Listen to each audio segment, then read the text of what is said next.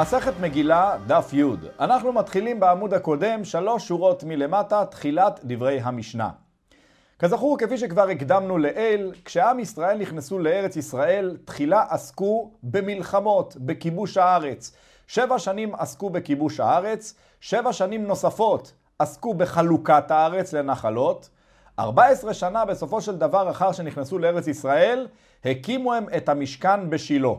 המשכן בשילה עמד 369 שנים עד שנחרב. 57 שנים אחר חורבנו של המשכן בשילה, הוקם בית המקדש בירושלים על ידי שלמה המלך, בנו של דוד, והוא הנקרא בית עולמים. אין כל הבדל בין קדושת המשכן בשילה לבין קדושת בית המקדש בירושלים. שניהם היו באותה הקדושה, וכמו כן, בזמן תקומת שניהם נאסרו הבמות. לא היה ניתן להקריב כל קורבן או זבח מחוץ למשכן בשילה ומחוץ לבית המקדש בירושלים. כפי שעוד נראה מה היה בזמן הביניים בין תקופת המשכן בשילה לבין תקופת בית המקדש, אחר חורבן המשכן ועד בניית בית המקדש, אזי כן היה היתר הבמות, הייתה במה גדולה, בינו וגבעון, במות קטנות של כל אחד ואחד, וכפי שכבר למדנו לעיל, את ההבדל בין במה גדולה לבמה קטנה. אז זה היה תקופת היתר הבמות שבין המשכן לבין בית המקדש, אבל בזמן תקופת המשכן, וכמו כן תקופת בית המקדש, נאסרו הבמות כלל ועיקר. במה בכל אופן ישנו הבדל בין תקופת משכן שילה לבין תקופת בית המקדש? זה מה שעוסקת המשנה. אומרת המשנה, אין בין שילה לירושלים, אלא שבשילה אוכלים קודשים קלים ומעשר שני בכל הרועה, ובירושלים לפנים מן החומה. כידוע, הקורבנות מתחלקים לשתי קטגוריות עיקריות, קודשי קודשים וקודשים קלים. בכלל קורבנות שהם נמנים על קודשי הקודשים, שזו הדרגה החמורה ביותר, יש לנו את עולה, חטאת, אשם, כמו כן המנחות, וכן גם שלמי ציבור, בשונה משלמי יחיד, שלמי ציבור הם קודשי קודשים. בכלל קודשים קלים, יש לנו את קורבנות שלמים, עם נדר או נדבה, כמו כן קורבנות בכור, מעשר, היינו מעשר בהמה, וכן אה, קורבן פסח. כל אלו נכללים בכלל קודשים קלים. בשר קודשי קודשים, הבשר הנאכל מתוך הזבח, נאכל בתוך העזרה, דהיינו במחנה שכינה על ידי הכהנים. בשר קודשים קלים נאכל לאו דווקא במחנה שכינה, מאחר שהוא נאכל גם לשאר בני אדם, כמובן בקדושה, הוא נאכל במחנה ישראל. מחוץ לעזרה, בתוך העיר ירושלים, ניתן לאכול את בשר קודשים קלים. אלא שישנו הבדל בין תקופת המשכן בשילה לבין תקופת בית המקדש בירושלים לעניין מקום האפשרות לאכול את בשר הקודשים הקלים. כמו כן, דברינו אמורים לעניין מעשר שני, שיש דין לאכול אותו לפני השם, ושמחת לפני השם אלוקיך, לפני השם, זה בתוך תחום העיר ירושלים, במחנה ישראל, אבל במקום הקרוב לבית המקדש. כך גם דין אכילת בשר אה, קודשים קלים, כפי שנלמד מבכור, שנכתב באותו פסוק עם מעשר, שיש דין לאוכלו גם במקום הסמוך לבית המקדש, במקום שהוא נקרא בתקופתנו ירושלים. אבל בתקופת משכן שילה, זה היה המקום המקיף את משכן שילה. אומרת המשנה, שלא רק המקום הסמוך בפועל למשכן שילה, רק שם היה ניתן לאכול את בשר קודשים קלים, וכמו כן מעשר שני, אלא בכל מקום, גם מקום מרוחק לו, העיקר שהוא יהיה בכל הרועה. דהיינו שניתן משם לראות את המשכן. זה עדיין נחשב מקום הסמוך לו, וממילא ניתן לאכול שם בשר קודשים קלים, וכמו כן מעשר שני. בשונה מכך, בתקופת בית המקדש היה ניתן לאכול אותם רק בתוך גבול חומות העיר ירושלים, שזה מה שנקרא לפני השם. מחוצה לחומות ירושלים, גם כשלדוגמה אדם יעמוד על הר ויראה את הר הבית, את בית המקדש, לא ניתן לאכול שם. כי כאשר ישנה חומה מסביב למחנה ישראל, החומה זהו הגבול. בזמן משכן שילה לא הייתה חומה, אז לא היה גבול, וממילא כל מקום הרועה היה ניתן לאכול. אומרת עוד המשנה, וכאן וכאן, קודשי קודשים נאכלים לפנים מן הכלאים. זה אין שום הבדל, לעניין קודשי קודשים נאכלים במחנה שכינה, דהיינו בעזרה. בתקופת המשכן זה היה קלעים, דהיינו וילונות שהיו מקיפים את מחנה השכינה, את העזרה. בתקופת בית המקדש הייתה כבר חומת העזרה שהקיפה, אבל הרעיון הוא אותו רעיון, אין הבדל בין משכן שלו לירושלים בעניין הזה. עוד אומרת המשנה, קדושת שילה יש אחריה היתר, וקדושת ירושלים לעומת זאת אין אחריה היתר. כלפי איזה היתר אנחנו מדברים? לעניין היתר במות. כפי שכבר אמרנו, הבמות נאסרו בתקופת היות משכן שילה, בתקופת ירושלים, בית המקדש. אלא הנפקא מינה ביניהם היא לעניין אחר החורבן. האם אחר החורבן עדיין היו הבמות אסורות או שהותרו הבמות? אחר חורבן משכן שילה הותרו הבמות. בתקופת אוהל מועד בינו וגבעון הותרו הבמות כפי שביארנו. אך אחר חורבן ירושלים, קדושה שקידשה לשעתה, קידשה לעתיד לבוא, וכשם שהקדושה חלה עדיין בירושלים, כך גם כלל העניינים הקשורים לקדושת העיר ירושלים, דהיינו עניין איסור הבמות, גם כן ממשיך לחול. אין אחרי ההיתר, לא היה אחרי תקופת בית המקדש בירושלים היתר גם אחר חורבנו. אומרת הגמרא מרבי יצחק, שמעתי שמקריבין בבית חוניו בזמן הזה. חוניו הוא היה בנו של שמעון הצדיק. מאחר שהיה סכסוך בין חוניו לאחיו, אחר מות שמעון הצדיק, שהוא היה כהן גדול כידוע בבית המקדש, אזי חוניו היגר למצרים, לאלכסנדריה של מצרים, שם הוא הקים מזבח והקריב עליו קורבנות. אלא שנחלקו הדעות האם הקורבנות הללו היו קורבנות לשם השם או לעבודה זרה. כמובן שמעשהו היה פסול משום שזה היה בתקופה שבית המקדש קיים, לכל הדעות היו אסורים הבמות, הוא לא יכל להקריב קורבנות שם.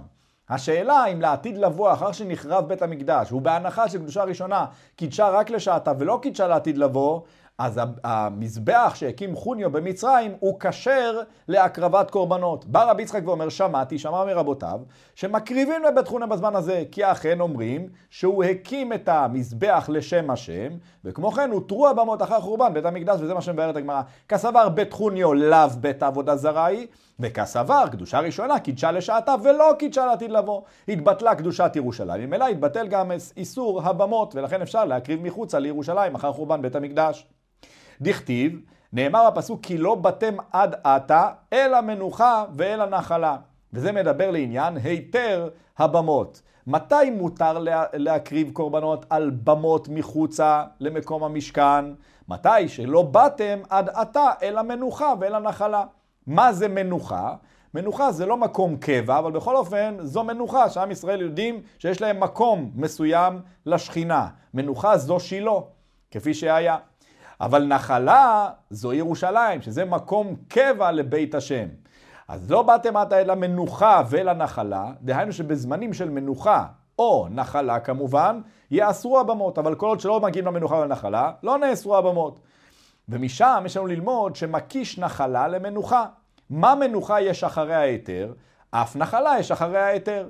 כפי שבמנוחה ראינו שאחר חורבן שילה יש אחריו היתר, אז כך גם בנחלה יש היתר. למעשה, איך אנחנו יודעים שאחר תקופת שילה יש היתר?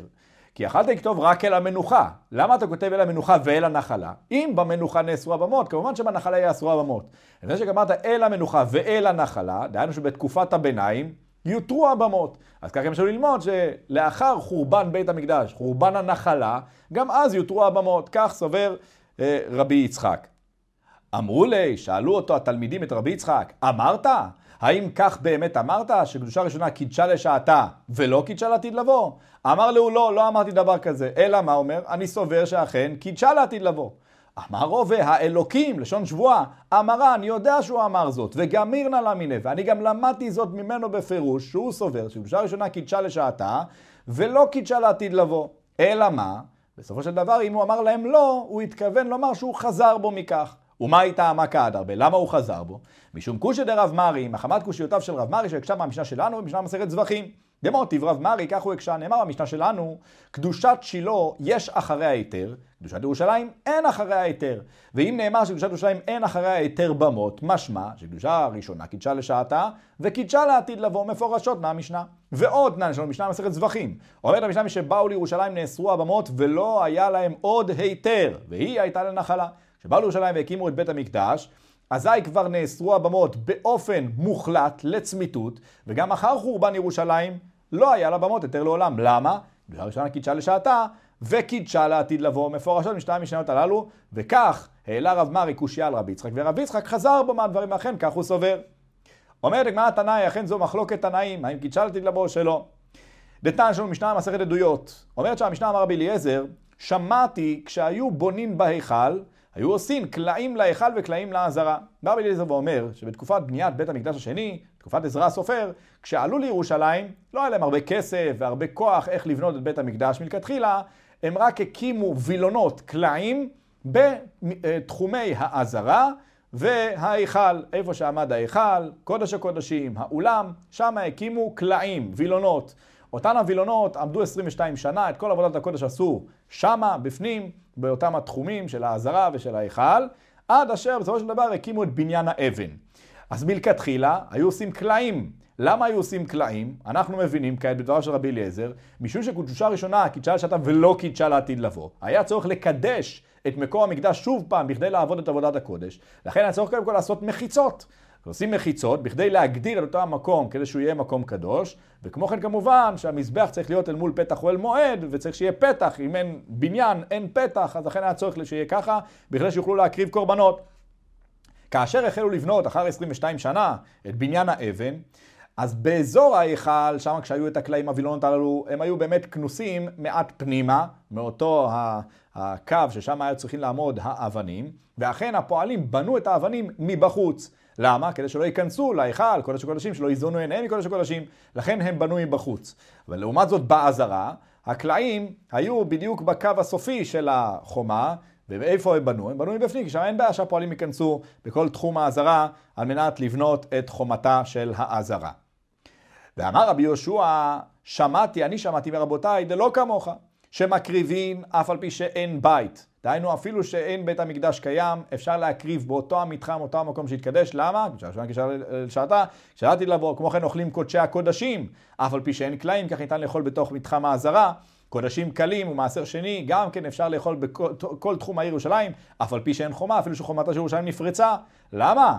מפני שקדושה ראשונה קידשה לשעתה וקידשה לעתיד לבוא. מפורשות אנחנו רואים מכלל דרבי אליעזר סבר, לא קידשה לעתיד לבוא. הוא סובר דלא כרבי יהושע. קדושה ראשונה קידשה לשעתה ולא קידשה לעתיד לבוא. רבי יהושע חולק ואומר שקידשה לעתיד לבוא. הנה מחלוקת עניים. אמר לרבי הרבה שהיא לא, ממאי? דילמה דכולי עלמא, קדושה ראשונה קידשה לשעתה וקידשה לעתיד לבוא. כך אפשר לומר, שגם רבי אליעזר סובר שקידשה לעתיד לבוא. אומר, מאי דשמיע לקאמר. אומר, מאי דשמיע לקאמר. רבי אליעזר אומר רק מה שהוא שמע מרבותיו. אבל הנה חינמי, הוא עצמו לעצמו, הוא לא חולק על רבי יהושע, הוא סובר שקידשה לשעתה וקידשה לעתיד לבוא. כל אחד רק אומר את השמועה, הוא לא התכוון למשהו, המשמעות הפנימית של זה כפי שאתה חושב. וכי תימא, מה תרצה לומר? אז למה באמת קלעים לרבי אליעזר, למה לי? למה רבי אליעזר אומר שהיה צריך קלעים? אם אתה אומר שאכן קידשה לעתיד לבוא, מה הצורך בהקמת הקלעים? תתחיל לעבוד עבודת הקודש, אתה יכול לעבוד באותו המתחם. אלא לצניעותא בעלמא. לצורך צניעות, שלא ראוי שמקום עבודת הקודש לקדוש ברוך הוא יהיה גלוי לעיני כל, שכולם יעמדו על הערים מסביב ויסתכלו, אלא ודאי, לכן היה צריך לעשות שם את אותם הקלעים, אבל לא היה בזה צורך מיוחד להכלת הקדושה, כי הקדושה כבר חלה ועומדת. אלא אומרת הגמרא, אז איפה אנחנו נראה שיש מחלוקת תנאי בעניין הזה? כי הנתנאי. נתן אמר ברייתא אמר רבי ישמעאל ורבי יוסי, למה מנו חכמים את אלו, כשעלו בני הגולה מצאו את אלו וקידשום? הוא מדבר לעניין אותם שמונה תארים, כפי שמוזכרות שם בדברי המשנה, במסכת ערכין. אליבא דרש"י מדובר בתשע ערים, כי רש"י מוסיף גם בגרסה את לוד. בכל אופן, נאמרו שם אותם השמונה או תשע ערים, שאלו הערים המוקפות חומה ממות יהושע בן נון. וכי רק אלו ערים שמוקפות חומה ממות יהושע בן נון. ושם מדברים לגבי בתי ערי חומה. כמובן שזה לא רק אותם הערים, אלא ודאי שיש עוד ערים. אלא שלמה מנו דווקא את אלו? משום שכשעלו בני הגולה, בתקופת בניית בית המקדש השני, אז הם מצאו את אלו וקידשום. הם באו, קידשו את אותם הערים. למה היה צריך לקדש אותם? כי קדושתו של ארץ ישראל פקעה בזמן חורבן בית המקדש, משום שפקעה אה, קדושת ירושלים, כך גם פקעה קדושת ארץ ישראל. אבל הראשונות, וזה מה שאומר, אלו שהיו ולא קידשום, בטלו משבטלה הארץ, משבטלה קדושת הארץ, בטלו. אז קודם מה אנחנו רואים? עלמא כסף, הקדושה הראשונה קידשה לשעתה, ולא קידשה לעתיד לבוא. זה שלוש רבי ישמעאל ברבי יוסי. ויש לנו לכאורה להקשות תורמינו מברייתא אחרת. אמר רבי ישמעאל ברבי יוסי, וכי אלו בלבד היו, וכי רק אותם תשע ערים שנמנו שם הם היו, מוקפות חומה. והלא כבר נאמר לעניין ממלכת עוג בבשן, שישים עיר, כל חבל ארגוב. בתקופתו של משה שבאו ונלחמו בהם. 60 עיר רק באותם מקום כל חבל ארגוב. והכתיב כל אלה ערים בצורות חומה גבוהה מפורשות, ודאי שהיו הרבה יותר מתשע עשרות ערים מוקפות חומה מאותם תקופה של משה ויהושע בן נון. אלא למה מנו חכמים את אלו שכשעלו בני הגולה מצאו אלו וקידשום. ועל כך יש לנו להקשות, קידשום איך ייתכן? הרי השתא אמרי לא צריכה לקדושי. הרי מיד אנחנו נראה שבהמשך, אנחנו רואים שעל פי המסורת מספיק לנו בכדי, אם יש מסורת שהעיר מוקפת חומה מאוד יהושע בן זה מספיק שהעיר הזאת קדושה לעניין זה. ושוב, מה זה, מה זה קדושה? אנחנו מדברים לגבי בתי ערי חומה, שאדם שמוכר את אותו אה, בית באותה עיר, אזי אם תוך שנה שלמה הוא לא פודה, הוא לא גואל את הבית מהקונה, בסופו של דבר הבית נחלט לצמיתות וגם לא יוצא ביובל. אבל זה שוב, זה תלוי בקדושתה של העיר, בתי ערי חומה. אבל אנחנו רואים בהמשך דברי הברייתא שגם במסורת אנחנו מקבלים על עיר כזאת שהיא קדושה והיא מוקפת חומה מימות יהושע בן נון ואין צורך לקדש אותה. אז ודאי שאותה הברייתא לא אוחזת שצריך לקדש. אלא, אומרת הגמרא, מצאו את אלו מנאום, כך צריך לומר, שמצאו אותם בדרכם כשעלו מבבל לארץ ישראל לכיוון ירושלים, על הדרך היו אותן הערים שמוסגרות שם מסכת ערכין, ולכן הם מנו אותם. העניין של מנאום, היינו כתבו אותם. לא קידשו, אלא כתבו, בסך הכל הזכירו אותם. משמע שלא צריך לקדש, אומרת הגמרא. ועוד אומרת שם ברייתא, ולא אלו בלבד, אלא כל שתעלה לך מסורת בידך מאבותיך, שמוקפת חול עמוד יהושע בן נון, כל המצוות הללו נוהגין בה, דהיינו כל המצוות, בתי הרחומה וכן הלאה, נוהגין בה, מפני שקדושה הראשונה קידשה לשעתה וקידשה לעתיד לבוא, מפורשות. ואם כן, אנחנו רואים א', בברייתא הראשונה, של קדושה הראשונה, קידשה לשעתה ולא קידשה עתיד לבוא. למה? כי צריך שיראו את הערים ויקדשו, ואלו ערים שקידשו, כפי שאמר רבי ישמעאל ברבי יוסי. ואותו רבי ישמעאל ברבי יוסי, בברייתא האחרת הוא אומר שרק מנאום, ואפשר גם לקבל במסורת, שהעיר הזאת מוקפת חומה, עוד שהיה כך לפני החורבן, מתקופת יהושע בן נון, והעיר נשארת בקדושתה, מה שקדושה הראשונה קידשה לשעתה וקידשה לעתיד לבוא. לכאורה סתירה, קשה דרבי ישמעאל לדרבי ישמעאל.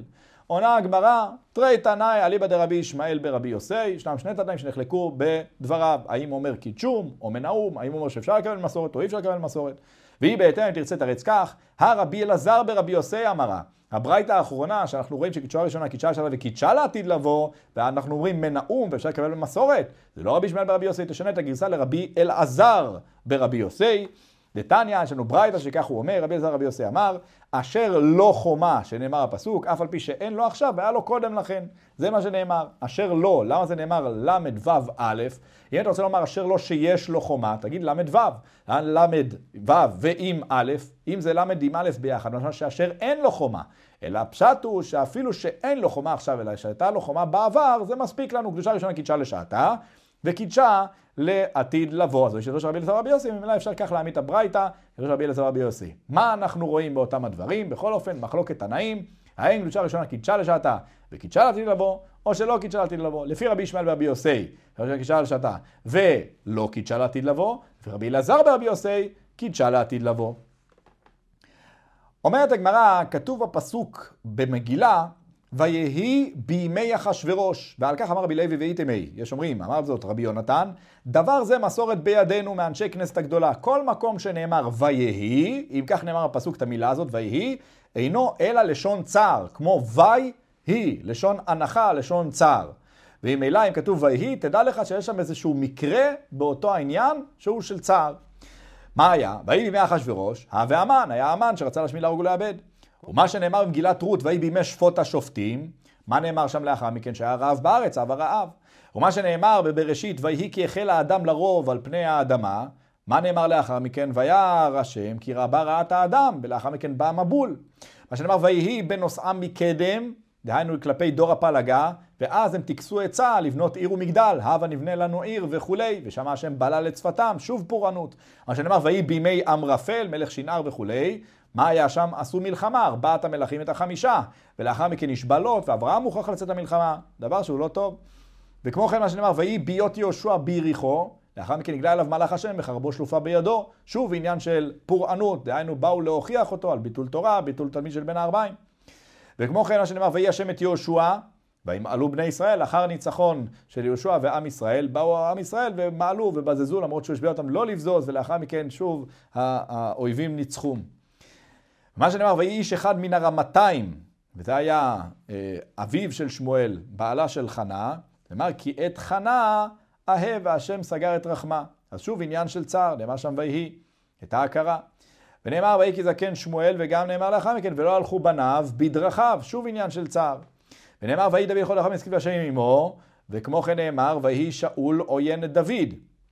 אז ויהי, יש לנו את הויהי כלפי דוד, שהסיבה, הסיבה ששאול היה עוין שלו, שנא אותו, זה משום שדוד היה מצליח ומשכיל והשם עמו, אז לכן בא שאול והיה עוין דוד. מה שנאמר ויהי כי ישב המלך בביתו, וזה נאמר לעניין דוד המלך, ונאמר גם כן במלכים, רק אתה לא תבנה הבית. וזה כלפי דוד, שאתה דוד לא תבנה את בית המקדש. מי יבנה? שלמה בנך. שואלת הגמרא, וכי כל ויהי זה לשון צער? והכתיב, כתוב ויהי ביום השמיני לעניין תום ימי המילואים, חנוכת המשכן, זה היה יום שמח, ותניא, כתוב בברית אותו היום, הייתה שמחה לפני הקדוש ברוך הוא, כי יום שנבראו בו שמיים וארץ, יש כאן בריאה חדשה. כתיב הכה לעניין המשכן ויהי ביום השמיני, וכתיב התה לעניין אה, בניית העולם, בריאת העולם, ויהי ערב ויהי בוקר יום אחד. הנה ויהי ויהי, עניין של שמחה. עונה הגמרא, השחים נדב ואביהו. עדיין בכל אופן היה שם אקט של צער, שנפטרו נדב ואביהו בקרבם אל הקודש. שואל הגמרא, והכתיב ויהי ב-80 שנה ו-400 שנה, וזה נאמר כלפי בניית בית המקדש בידי שלמה המלך. הנה כתוב ויהי, עניין של שמחה. הגמרא, ועוד, והכתיב, ויהי כאשר ראה יעקב את רחל, סיפור יעקב עם רחל גם כן, עניין של שמחה. בכל אופן, כתוב ויהי, והכתיב, ויהי ערב, ויהי בוקר, יום אחד, עניין בריאת העולם. והאיכה לאו דווקא לגבי היום האחד, היום הראשון, והאיכה שני, גם בערב ויהי בוקר יום שני, והאיכה שלישי, והאיכה ט"ו, עוד הרבה ויהי נאמרו במקרא, גם בזמנים של שמחה ולאו דווקא בצער. על כן אמר רב אתה צודק. כל ויהי, יקהכי ויקחי. אם נאמר רק ויהי, אז לכן יש אפשרות שזה יהיה לטוב, יש אפשרות שזה יהיה למוטב, אתה צודק.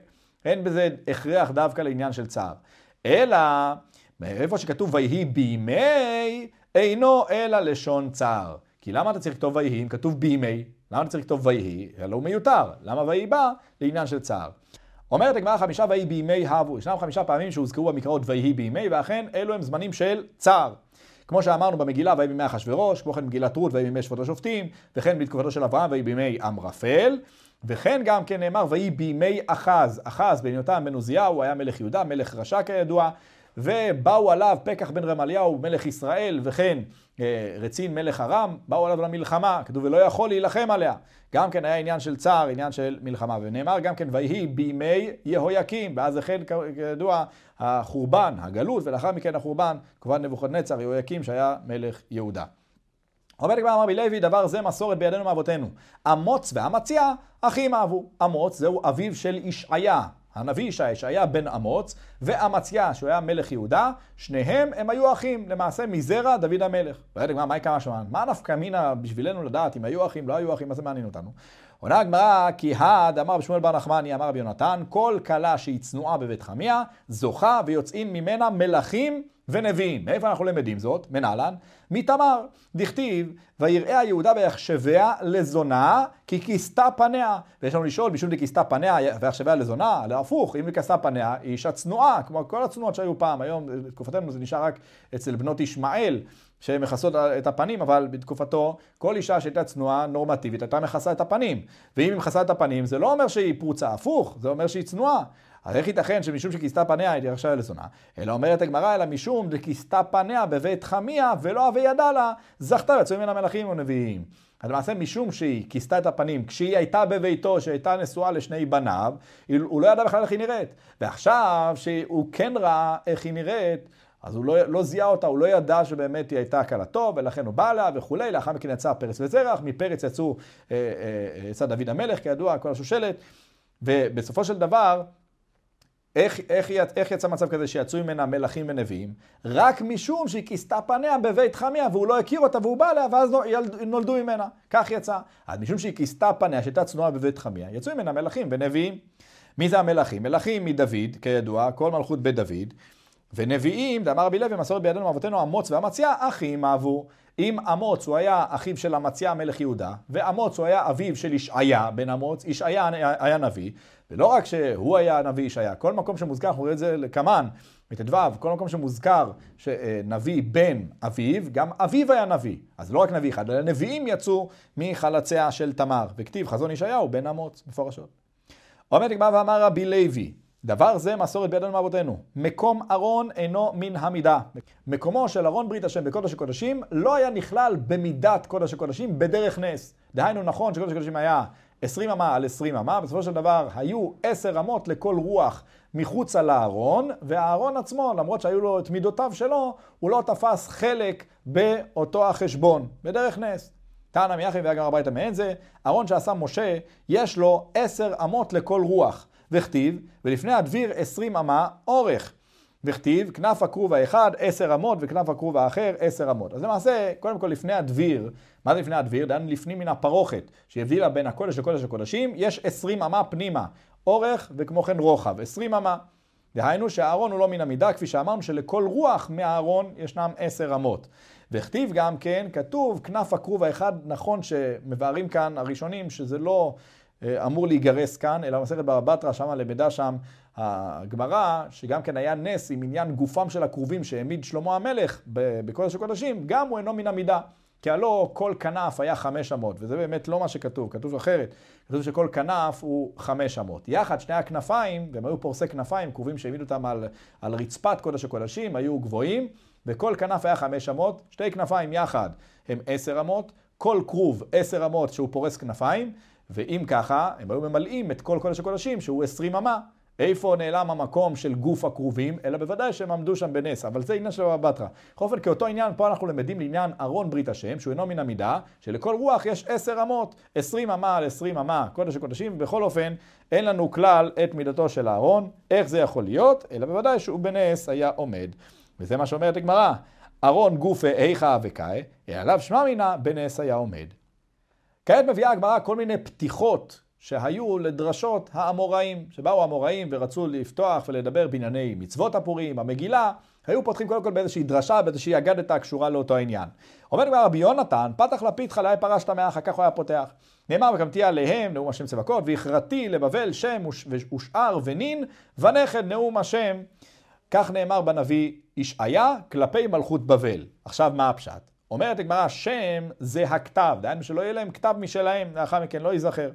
שאר זה לשון, שפה, ניב של לשון גם ייעלם. מה שנאמר נין זה מלכות, ונכד זו ושתי, שגם ושתי הייתה הרי הבת של בלשצר, בנו של נבוכדנצר, והיא בסופו של דבר גם כן נספתה. רבי שמואל בר נחמני פתח לה פיתחה להי פרשת מהכה, כך הוא היה דורש. נאמר, תחת הנעצוץ יעלה ברוש, ותחת הסרפד יעלה הדס. תחת הנעצוץ, זהו, תחת המן הרשע, למעשה נעצוץ זה קוץ, ותחת הסרפד זה גם כן מין של קוץ. אז תחת הקוץ יעלה ברוש, משהו יותר משובח, עץ, ותחת הסרפד גם כן יעלה הדס, משהו שמניב ריח, שהוא אינו עוקץ. אז הוא מבאר ככה, תחת הנעצוץ זה תחת המן הרשע, שעשה עצמו עבודה זרה, ודכתיב, ובכל הנעצוצים ובכל הנהלולים, נעצוצים זה מלשון קוצים, נהלולים, גם כן מין של קוץ. בכל אופן, יש כאן עניין של עבודה זרה, כך עשה המן את עצמו שרצה שישתחוו לו. יעלה ברוש, מי זה הברוש? זה מרדכי, שנקרא ראש לכל הבשמים, וזה עניין של ברוש, הוא ראש לבשמים. שנאמר, ואתה קח לך בשמים, ראש מור דרור. מה זה מור דרור? מתרגם עינן, מר דחי. דהיינו סוג של בושם מיוחד, שהוא... אה, המור הזה הוא דחי, הוא טהור. כך הוא התרגום. ומר דחי מלשון כמו נוטריקון מורדכי.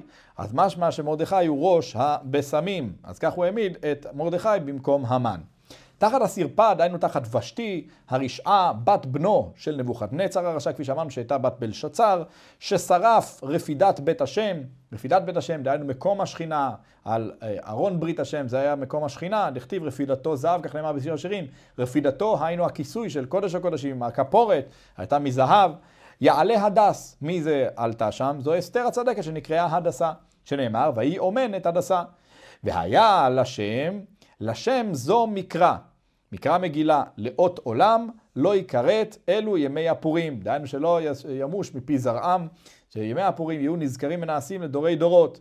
אז מקרא מגילה, זה מזכיר את הניסים של השם, ועניין זה לא יסוף מזרע עם ישראל.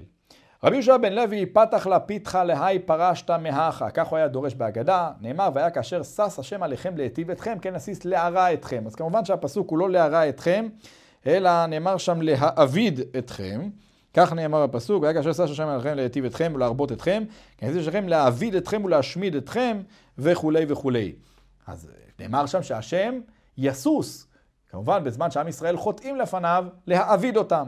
אומרת הגמרא, מחד הקדוש ברוך הוא מהפעלתן של רשעים, איך ייתכן שהקדוש ברוך הוא שמח בכך והכתיב בצאת לפני החלוץ ואומרים הודו להשם כי לעולם חסדו. כך היה בזמן תקופת יהושפט מלך יהודה, כשהיו יוצאים למלחמות, אז שהיו מנצחים, כשהיו נלחם על גבעונים וכולי, היו, היו מביא משוררים אה, אה, לפני החיילים, והיו שרים כך, ככה הם היו שרים, יוצא לפני החלוץ, ואומרים הודו להשם כי לעולם חסדו, ככה מודים לקדוש ברוך הוא שהוא נותן את האויבים בידיהם. ואמר רבי יוחנן, מפני מה לא נאמר כי טוב? הרי בכל הכל שאומרים הודו להשם, אומרים כי טוב, למה לא אמרו שם כי טוב? למה? מחמת בהודעה זו, לפי שאין הקדוש ברוך הוא שמח במפלתן של רשעים. אז לא שייך לומר כי טוב, כמו וירא האלוקים כי טוב. למה? מחמת שטוב זה עניין של שמחה, ואין הקדוש ברוך הוא שמח במפלתן של רשעים. ואמר רבי יוחנן, מהי דכתיב, ולא קרב זה אל זה כל הלילה, וזה נאמר לעניין הנס שהיה בים סוף, שנהרגו המצרים וחצו עם ישראל את הים. כתוב ולא קרב זה אל זה כל הלילה. אז כמובן שפשט הפסוק שלא קרבו המצרים אלא עם ישראל לכל הלילה שהיו שם. אלא הדרשו ביקשו מלאכי השרת. לומר שירה, דהיינו על כך שהקדוש ברוך הוא מעביד את המצרים ב, ב, ב, בים סוף. אמר הקדוש ברוך הוא מעשה על הטובים בים ואתם אומרים שירה, וזה עניין של זה אל זה בחינת המלאכים. קרא זה אל זה ואמר וכולי זה אל זה. אומרת כבר אמר רבי אלעזר, הוא אינו שש אבל אחרים מסיס. אתה שאלת יפה, שאלת איך ייתכן שהקדוש ברוך הוא שש במפלתם של עם ישראל, של רשעים מעם ישראל. אם במפלתם של הגויים הוא לא שש, כל שכן בעם ישראל הוא לא יסוס במפלתם. אלא מה העניין? שהוא לא שש בעצמו, אלא מסיס את הגויים בזמן הגזרה להעביד את עם ישראל. למה? כי אם הוא לא יסיס, הוא לא ייתן להם איזה חדווה, איזה שמחה מסוימת להרוג את עם ישראל, הם בסופו של דבר בטבע האנושי ירחמו על עם ישראל ולא ימשיכו בהרג. והקדוש ברוך הוא רוצה הרי לחנך את עם ישראל שיחזרו לתורה ולמצוות. אז הוא נותן להם את הששון הזה, את השמחה, להרוג בעם ישראל, כפי שראינו במלחמות שנלחמו, לדוגמה הגרמנים שנלחמו ביהודים, הם היו שמחים לעשות את זה. עד כדי כך. ודי קנמי, ככה יש לנו לדקדק, דכתיב כן יסיס, כך כתוב, לא כתיב יסוס. לא כתוב שהשם הוא זה שישמח, אלא יסיס, היינו, יגרום לאחרים לסוס, יגרום לאחרים לשמוח, שמע אמינא.